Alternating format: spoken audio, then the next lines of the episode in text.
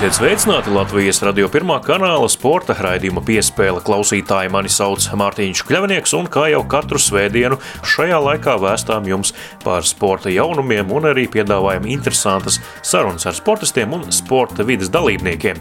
Un šī reize nebūs izņēmums. Sarunāsimies ar trim brašiem vīriem, kuri katrs ir lietpratēji savā nozarē. Ciemos, bet attālināti būs gan Latvijas labākais biatlonists Andrejs Rastargojevs, gan viens no Latvijas labākajiem smagajiem smaiļotājiem Roberts Akmens, kā arī sporta biznesa vides pārstāvis Andrijs Bransāns. Tās, par ko ar katru no šiem kungiem runāsim, pagaidām, lai paliek mazs noslēpums, bet tas tiks atklāts jau pēc pavisam īsa brīža.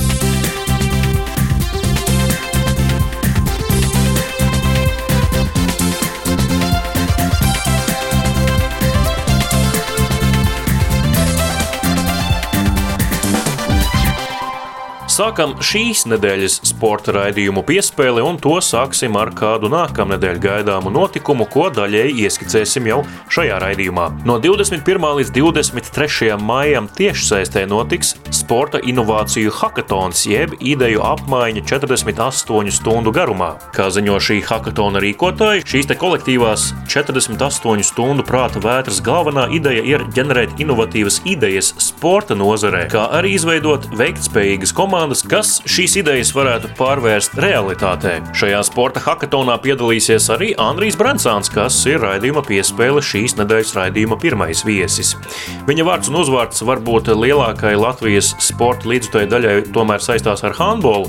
Andrijs joprojām darbojas Eiropas handbola federācijā, tomēr šīs amats ir sabiedrisks kārtas un nav atalgots, tāpēc, lai nopelnītu ikdienas iztiku, viņš nodarbojas ar savu biznesu, kas saistīts ar sporta nozari.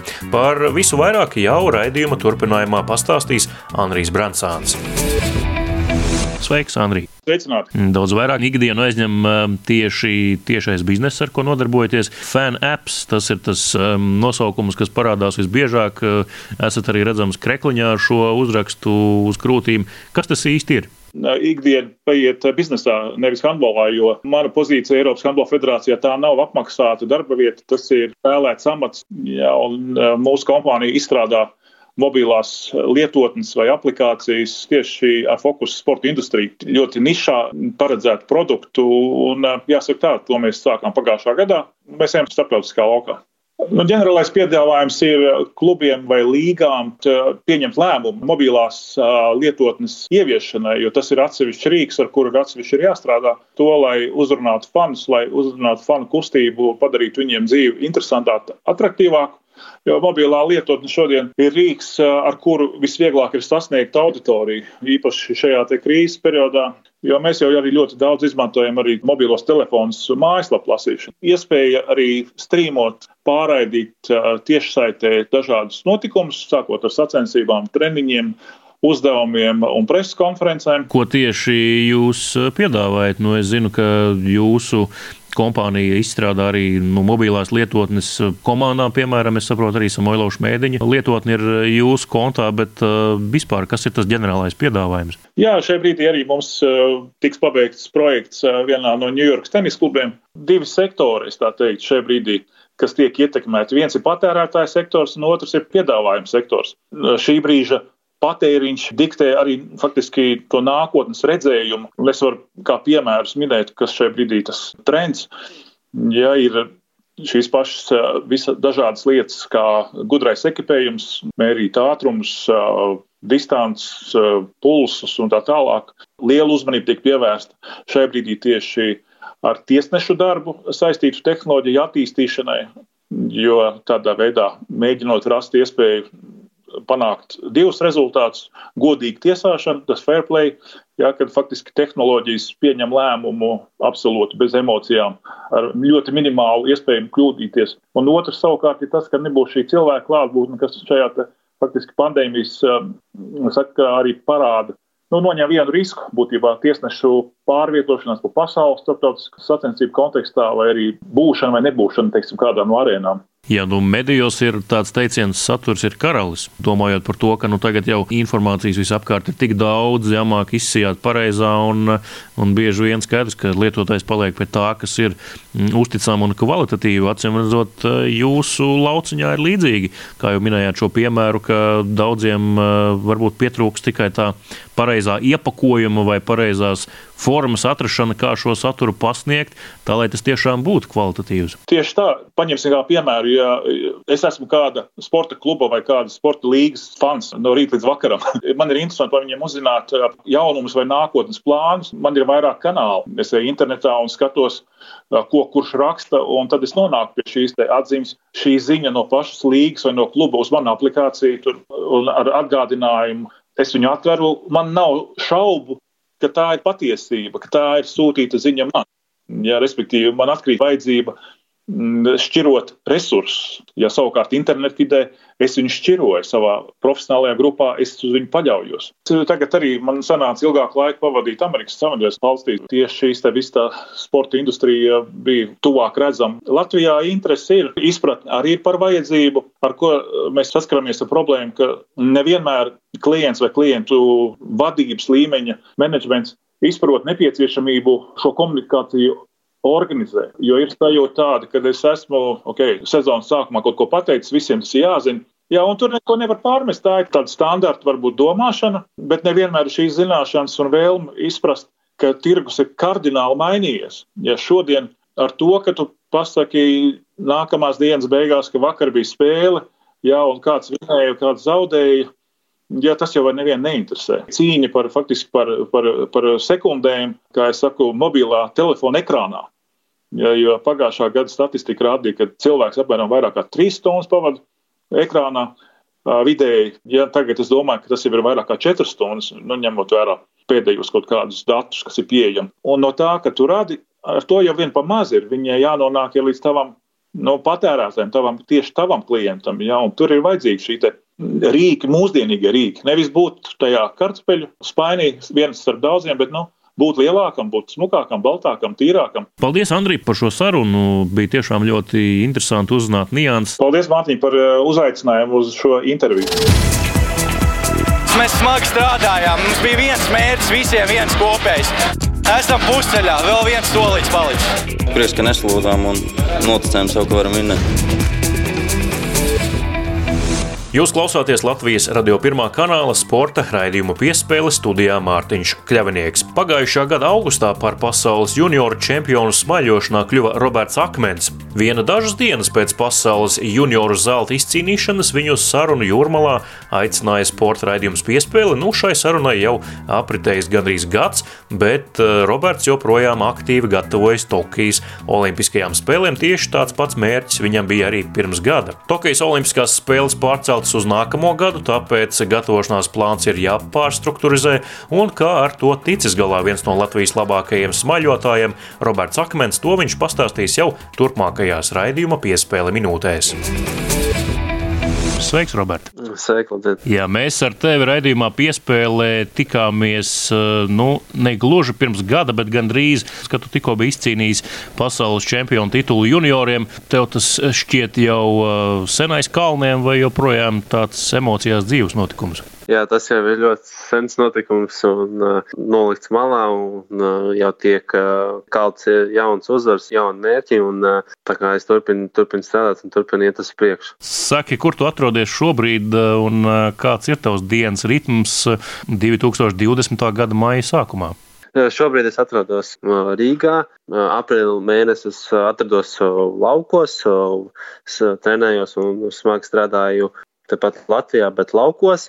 Kā tu minēji jau to, ka jā, pasaulē viss mainījās ļoti ātri, un tas man arī savā ziņā pārsteidza un nesagatavotu neilgi pirms tam, kad valsts izsludināja. Ja, ārkārtas stāvokli. Man pēc pāris dienām bija paredzēts braukt uz Portugālu, uz nometni, kur būtu beigās arī atlases sacensības. Tas viss tika atcelts, un visu plānu nācās mainīt. Jo tie mērķi, kas bija tajā brīdī nosprausti, noteiktās sacensības, viņas tika visas atceltas, un tur, respektīvi, vairs pat īsti nezinu, kam tajā brīdī gatavoties. Viena daļa no manis domāja, ka nē, būs, kad viss notiks, bet tajā pašā laikā tas veselais saprāts saprot to, ka, nu, nu diez vai, vai tas notiks, jo no, tā, kas notiek pasaulē, cilvēku dzīvība, tas ir daudz svarīgāks par, manuprāt, par jebko citu. Tas bija ļoti pareizs lēmums, ka tas tā notika kad tika atcelts. Tā situācija, kā nu kuram arī ir dažādi, nu, ja tu būtu Olimpiskajā vienībā, tu varētu būt eh, drošs vismaz pēc vienības vadības teiktā, ka tev finansējums tiks saglabāts. Šobrīd, kā ir ar taviem atbalstītājiem un viņu nostāju finansiālā ziņā, kā šī krīze varbūt ir mainījusi viņu domas par, par iespējām tevi atbalstīt finansiāli? Par laimi to, ko Laus uh, ir pateicis, viņi jau vien ir labi un cerams, ka viņi pie savu, uh, savu teiktā paliks. Ļoti nesatraucos to, ka uh, man atbalstītāji paliks vairāk vai mazāk tie paši uz federāciju, novads. Tādā ziņā, finansiālā ziņā man tas varbūt tik ļoti neiespaidos. Kāds bija tavs tas sākotnējais gatavošanās plāns? Kā tas viss būtu varējis tā triumfāli nonākt līdz Tokijas Olimpisko spēļu startam. Kāds bija tavs tāds superplāns sākumā, gada sākumā? Tas superplāns bija tāds, ka uh, es janvārī, februārī uh, martā sēžu ārzemēs nometnēs un gatavojos 4. Uh, aprīļa atlasēm starp latviešiem. Maija beigās Eiropas kvalifikāciju, kur es būtu cīnījies par uh, olimpisko kvalifikāciju. Tas bija tas sākotnējais plāns, ļoti saspringts, bet uh, es biju tam gatavs un uh, viss apstājās. Tas mērķis par olimpiādi ir tāds pats, vienkārši šobrīd trenējos tādā pašā režīmā, varbūt bišķiet mierīgāk. Nedaudz garāks gabals braucu un vairāk uz vispārīgo fizisko sagatavotību strādāju. Nu, mums ir vienīgi zināms tas, ka varbūt septembrī kaut kādas uh, sacensības notiks kaut kāds pasaules čempionāts olimpiskajās vai neolimpiskajās distancēs, bet palielinām tas ir vienīgais īsts, kas notiks. Ja notiks. Tā kā mēs simtprocentīgi arī nevaram zināt, vai tas notiks vai nenotiks. Palielinām es jau skatos uz nākamo gadu. Jā, es domāju, ka man tādā ziņā tas uh, mazāk iespaido kā varbūt tos sportistus, kas ir varbūt pie 30 uh, vai pat pēc 30. Ja? Man tas tādā ziņā tikai par labu, varbūt nāks vairāk laiks, būs sagatavoties, un var, tas tiešām nāks tikai par labu. Neviena no arī tiem striktajiem ierobežojumiem, kuri bija līdz 12. maijam spēkā, tīri tāda iziešanai uz ūdens un reālām treniņam uz ūdens jau netraucē to var darīt. Jā, jo es esmu privāta persona, es neesmu sports skolas audzēknis, man ir privātais inventārs, es eju uz ūdens, es nevienu nesatieku. Brīvā dabā tas ir, kur nu vēl labāk, jā.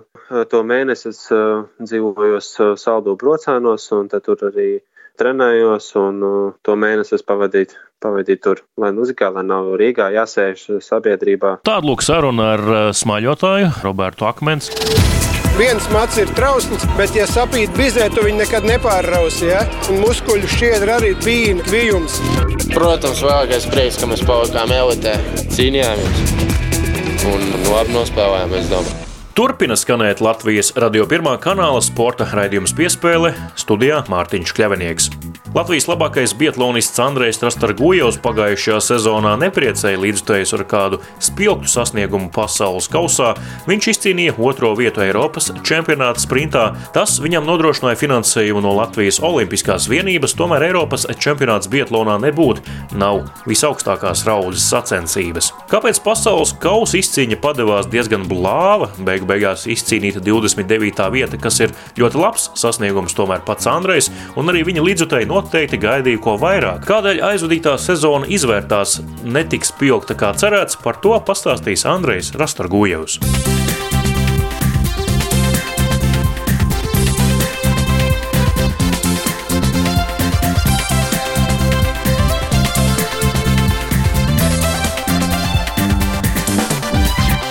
Latvijas radio pirmā kanāla sporta raidījums piespēle turpinās, un eh, raidījuma turpinājumā saruna ar Latvijas labāko biatlonistu Andreju Rastargojevu. Sveiks, Andrej! Sveiki! Uh, vispirms jau jautāšu tev tā, kur tu šobrīd atrodies, kur tu pavadi šo pasaulē tik unikālo un vēl nebijušo laiku. Tā ir alūksne, tā ir kāda cita vieta. Es pagaidām esmu Rīgā, bet nu, drīz jau es kustēšu uz savu dzimto pilsētu lai pilnvērtīgi varētu sākt jau trenēties. Tagad jau sākas treniņi vairāk par Rīgu, savādākie apstākļi un arī sparrings tieši, kas man var pastrādāt kopā ar maniem, un es ar viņu, tad viņš arī ir te. Maijā beigās jau braukšu savu dzimto pilsētu, un tad jau sākšu gatavoties nopietnāk, jo tur tieši jo tur jau pilnībā visi apstākļi, kas man ir vajadzīgi. Kas tas ir Rīgā? Tā ir riteņbraukšana, roller slēpošana. Kāds ir tas dienas plāns? Gan ritens, gan skriešana, gan arī mazu muskulatūru stabilitātes nostiprināšana. Tas ir tas, ko tu arī parasti gadu dari šajā laikā, vai tomēr pandēmija ir kaut kādas korekcijas ieviesus un ir, ir kaut kas citādi? Parasti es jau arī vairāk arī šauju šajā laikā, bet kas saistībā ar šaušanu tagad nedaudz sarežģītāk ir, jo tomēr nevar visur arī tikt tā, tās pandēmijas, bet tā principā jā, es viss darbojos tā kā ierasti. Nekas īpaši nav mainījies. Kā tavs ķermenis vispār jūtas pēc pagājušās sezonas? Cik tev uh, vispār vajadzēja laiku, lai savestu to kārtībā, cik uh, daudz atpūtas, vispār neko nedarot? Nu, principā es vairāk jau pavadīju ģimeni laiku. Tas jau iedeva vairāk uh, gan spēka, gan vairāk emocionāla spēka. Tas jau vissvarīgākais ir, ja tev nav tur ir tukšums, tad tu arī fiziski arī neko nevar izdarīt. Tāpēc arī bija ļoti svarīgi, ka Es beigu beigās jau tiku pie meitas, ar meitu pavadīju laiku, jā, un tas bija ļoti, ļoti svarīgi priekš maniem, lai vispār atnākt vaļā gan pēc sezonas, gan arī koncentrēties jau nākamajai sezonai. Nu, meita ir tāda kārtīga tēva meita. To es atceros, ka tu toreiz dabūji sezonas noslēgumā arī beidzot tiki uz tā pasaules kausa piedestāla vienā posmā, atlidoji uz Rīgu un tur lidostā mēdīja tevi intervēja, bet meita neatlaida tevi vaļā. Visu laiku bija apķērusies ap kaklu. Jā, jā, jā es arī ļoti labi atceros to momentu. Un... Jā, meita tomēr jau, tomēr pēc ilgas gaidīšanas, tomēr beiga, beigas tēvu satika. Un arī gribēja vairāk būt tomēr ar manīm, un tāpēc arī tā arī bija, protams, tas tikai normāli. Tas ir tā, ka tēvs ir prom sezonas laikā, bet tagad, kad tēvs ir mājās katru dienu, nav tā, ka tēvs apnīk? Nu tā nav. Jo tagad uh, viņa gan uh, pie mammas, gan pie maniem, tad mēs kombinējam vairāk, un tad ja pie manas mammas viņa pavada laiku. Nē, nē, nē, viņai, viņai patīk vienīgais. Mums pašiem jāadaptējas, jo es tā atbraucu uz mājām arī tā uzreiz 24, 7 meita ir it kā forši sākuma, pēc tam jau īsti nevar arī visu pats izdarīt, jo dēļ šīs pandēmijas jau dārziņā arī mēs nevadam uz dārziņu, līdz ar to vajag eh, vairāk piedomāt un sakombinēt, kā labāk izdarīt, lai visiem ir labi. Klau, eh, tu parasti pēc sezonas alaža arī brauc kaut kur atslēpoties. Es saprotu, ka šogad tas viss izpalika. Ja? Jā, šogad viss pilnībā izpalika, nekur es neesmu bijis aizbraucis. Un it kā pēc sezonas arī bija, nebija pārāk viegla sezona, bet negribēs nekur arī doties un braukt. Bet beigās jau pēc tam, pēc kādām divām nedēļām, trijām jau tomēr gribēs to sniegu redzēt, tas bildes, kur arī draugi arī paziņās liek, kur ir eh, Skandināvija vairāk, ka tu redzi to paradīzi, kas viņam tur notiek. Arī kaut kas savādāks, jauna pieredze, arī kaut kas foršs. Es domāju, ka Latvijā viens no labākajiem variantiem šīs pandēmijas laikā. Tomēr mājās un ļoti svarīgi, ka mīļie savie blakus tuvie un es esmu viņam klāt. Tas jau ļoti svarīgi šajā laikā ir. Tas jau es pat uzskatu, ka ir labākais tā ir noticis. Bet tas, kaut kādā veidā tik tiešām ir vitāli svarīga tā atslēpošanās, vai tas ir vairāk emocionāli? Cik tas ir fiziski nozīmīgi vispār biatlonistam to darīt pēc sezonas? Nu, vispār ļoti svarīgi ir, ka jebkurā aktivitātē, jā, ja tu skrien ātri, tad jau jāskrien pēc tam lēni, lai darbotu sirdsdarbību lejā, jā, pulsu dabūtu lejā un arī atjaunoties. Un tas pats arī mums. Mēs jau arī visu laiku jau pilna gāza grīda ir, kad sacensību sezona, jā, un pēc tam jau vajag ļoti svarīgi tieši tā lēnītām, lēnītām aiziet, atjaunoties, aiziet maliņā un pēc tam atkal sākt. Nedaudz arī tomēr to bāzīti jāsāk krāt uz eh, nākošo sezonu. Tomēr tur jau var saslēpot diezgan daudz. Parasti jau saslēpoja kaut kur pa nedēļu varētu būt kaut kādi, nezinu km 500. Par aizvadīto sezonu es gribēju jautāt par tās augtajiem nu, biatlonistiem, un arī ne tikai biatlonistiem. Daudziem Latvijas sportistiem tos tā arī sauc par maizes mačiem, bet biatlonā tas ir tā īpaši izteikti Eiropas čempionāts. Tu tur parasti brauc tāpēc, lai tiktu Olimpiskajā vienībā, jo tur var izcīnīt augstas vietas, un tas ir kritērijs. Kāds tas šogad vispār bija norganizēts šis Eiropas čempionāts Minskā? Nu, nu, nu, organizēts no organizatoru puses, tas bija augstākā līmenī, ko varēja vispār tur sacept, tā var teikt, jo katra ziņā no tā, kas tur ir bijis, es pirmo reizi jau no senēs biju redzējis, bet no nostāstiem, ka kaut kas atbrauc vai kādas sacensības lielas notiek, tad viņi principā no visus spēkus sūta uz turieni, tur jau bija gājuši sievietes, gan džeki ar grābekļiem vai lāpstam, lai varētu dabūt gan skaidrs, gan netīrumus, gan akmeņus nos no tās trases, jo nu, tas ir nu, bijis kaut kāds, nu, tādā es biju redzējis tikai no nostāstiem no padomju laikā un arī tieši no bildēm, no ko senāk biju redzējis, bet nu, dzīvē tādu es neesmu piedzīvojis vēl, bet, nu, katrā ziņā. Norganizēts bija ļoti augsta līmenī salīdzinoši pēc sniega segums, kāds tur ir bijis. Jo sniega tur bija pietiekoši, protams, nebija izvest tā pēc standartiem. Piemēram, sprintā nebija pilns aplis. Mēs braucam četrus apļus no trīs apļus, kā vajadzēja būt. Ja? Jā, bieži ir, bet tur ne tā, ka samazināts aplis, bet vai tas sniegs vispār nodzīvos līdz sacensībām. Tur jau bija tas stāsts jau nebija jau kur viņu vispār atvest. Ja parasti ir Oberhofa, piemēram, ja Vācija, tur arī bija apus divi ar pusi, nebija 3,3 kāds standarts, bet viņam ir kaut, kaut kāda bāze, viņam ir tunelis.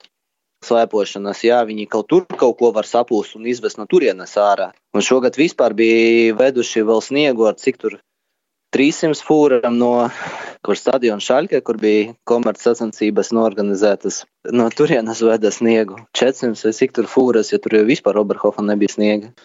Ja par sacensībām turpinām runāt, nu, kā tu novērtētu tādos um, ģenerālos vilcienos savu pasaules kausa sezonu aizvadīto? Varbūt nekāda tāda spilgti sasniegumi nav, bet varbūt arī tā stabilitāte ir tas kritērijs, pēc kā tev tagad var vērtēt. Tam nedaudz pamainījies tur tas plāns sagatavošanas posms un nedaudz daudz, un tā šaušana pavisam savādāk aizgājusi nekā mēs bijām strādājuši. Kopumā 29. vieta pasaules kausa kopratēm, top 30 ļoti augsts ir. Un pasaules čempionāts īsti nebija sanācis, tas, kas bija ieplānots. Tur bija citi apstākļi nostrādājuši. Galīgi slikti nav, bet uh, neko palielīties arī nevar, tā var teikt. Tā kā daudzi arī mani ne tikai draugi, bet arī, kas seko līdzi, pateica, ka, nu, tas nebija īsti es, bet tas it kā bija ēna no manis. Par šaušanu tev Aleš kaut ko jautā, un tas vienmēr ir bijis tavs rūpi bērns. Bet kā ir ar slēpošanu un ātrumu trasē no Aleša, tu vienmēr biji pirmrindnieks. Pagājušā sezonā šķietam tomēr nu, nebija tev laikam tā, nu, acīm redzot, kā tu pats teici, vai nu fiziskā sagatavotība ne tajā līmenī līdz ar to, kas izriet no sagatavošanās posma, vai kā tu skaidro to, kāpēc tu vairs nebija tās Andrejs Rastargujos, ko mēs bijām pieraduši redzēt trasē. Es biju pamainījis to sistēmu, sistēmu, kas saistībā ar fizisko kondīciju. Jā. Un tas varbūt īsti pirmajā gadā nebija nostrādājis. Pirmajā gadā es biju noslimojis diezgan daudz, un otrajā gadā varbūt īsti viņa līdz galam nebija nostrādājis. Ja? Un tur mēs kaut kur nedaudz kaut kur palaidām garām. Tagad katrā ziņā viss ir puslīdz skaidrs, ko jādara, un tagad tikai jādara. Nevajag skatīties uz pagātni, jāskatās tikai uz priekšu, uz nākotni. Jā, pagātnē mēs jau nevaram visu laiku dzīvot, jādzīvo arī nākotnē. Nu jā, bet eh, tā kā mēs skatāmies no šo, bet iepriekšējā sezonu man bija labāka šaušana. Gan procentuāli, gan vispār kopā pa sezonu tik labi es nekad eh, neesmu šāvis pa savu karjeru. Šaušanu vai sabalansētu to šaušanu un sabalansētu arī to ātrumu trasē. Un pirmā gada īsti nesadāca savienot to ātrumu, tāpēc ka bija slims ļoti ilgu posmu sezonas sākuma un nevarēja atkopties. Tad mēs sākām strādāt, un te varbūt nedaudz bija pa daudz viena posma. Ar šaušanu, kā tu pats jūti, šobrīd visvairāk vai mazāk ir kārtībā. Tu esi sapratis lietas, kuras tev mēģina šaušanas treneris nodot un, un izpildi tās, vai tur vēl ir ko strādāt un darīt? Nu, te jāstrādā, te vienkārši naturāli jāņem, jāstrādā un jāpamaina arī tieši plintei nianses, jo pagājušajā gadā mēs pamainījām, un tas bija arī tas nozīmīgs moments, ka tas aizgājis nedaudz citā virzienā, tā šaušana, kā mēs bijām plānojuši. Tāpēc jāatgriežas nedaudz atpakaļ un jāsaka vienkārši strādāt, strādāt, vairāk strādāt. Un Tad jau redzēsim, kā nu tā viss izies, bet es domāju, ka jā, bet visam kārtībā. Nu, katrā ziņā uz to ceram, to arī novēlam. Vēl gribēju parunāt par, par naudas lietām, par atbalstītājiem. Šobrīd pandēmijas laikā kāds ir, tautas valodā sakot, nolecis, vai visi ir palikuši tev uzticīgi un lojāli? Nu, neviens nav nolecis, bet, nu, protams, tā situācija tā, ka mēs redzam, viņa ir tāda, kāda viņa ir. Piemēram, krīze uzreiz diezgan lielu triecienu iedeva pa turismu. Jā.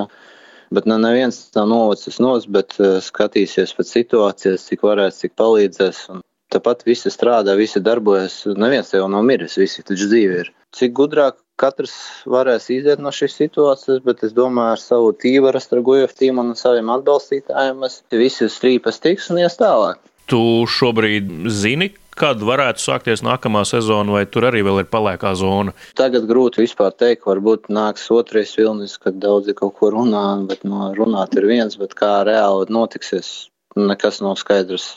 Nu, te nedaudz savādāk. Mēs esam ziemas sporta veida pārstāvji, viņi vasaras. Jā, tagad pandēmija vairāk iespēja neiespēja, bet visu aizvēra vasarai. Bet nu, nevar zināt, kas sāksies uz novembra, decembra pusi, uz rudens un ziemu. To jau nevar zināt. Varbūt mums arī būs līdzīga situācija, un mēs arī kratīsim plecus, ko darīt un kur iet, un kādu motivāciju šelties no kā. Nekas pagaidām nemainās, jo arī nav nekāda informācija, ka kaut kas mainīsies. Mēs vienkārši ejam uz priekšu un darām. Tur jau nav ko baigi domāt. Jo vairāk domās, jo lielākas audzes iebrauks. Vairāk, lielākas audzes iebrauks tieši kas saistībā ar savu mentālu stāvokli. Jā, un tad viss aiziet tālāk pa ķēdīt, aiziet ģimene, draugi un visi pārējie. Bet, ja tu esi pats stabils un tu jau saproti, ka tev jādara, tā kā es pieredzēju darīt, mazāk runāt, vairāk darīt, vieglāk dzīvot. vieglāk dzīvot, vieglāk iet uz priekšu, un tad tu arī esi stabilāks arī visas citas jomas. Viedi vārdi.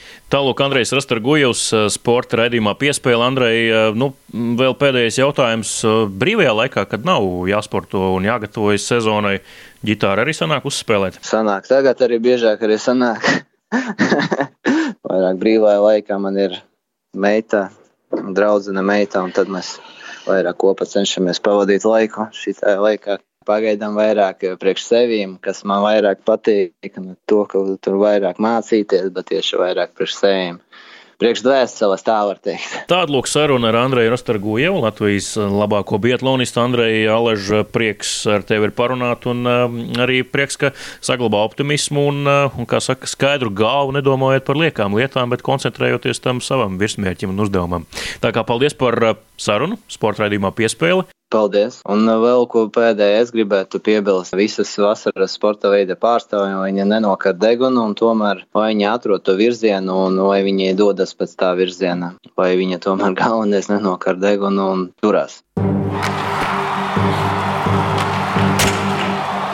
Līdz ar to arī izskan šīs nedēļas sporta raidījums piespēle. To veidoja un vadīja Mārtiņš Kļavnieks par labskaņu parūpējās Nora Mītspapa. Uz sadzirdēšanos jau pēc nedēļas.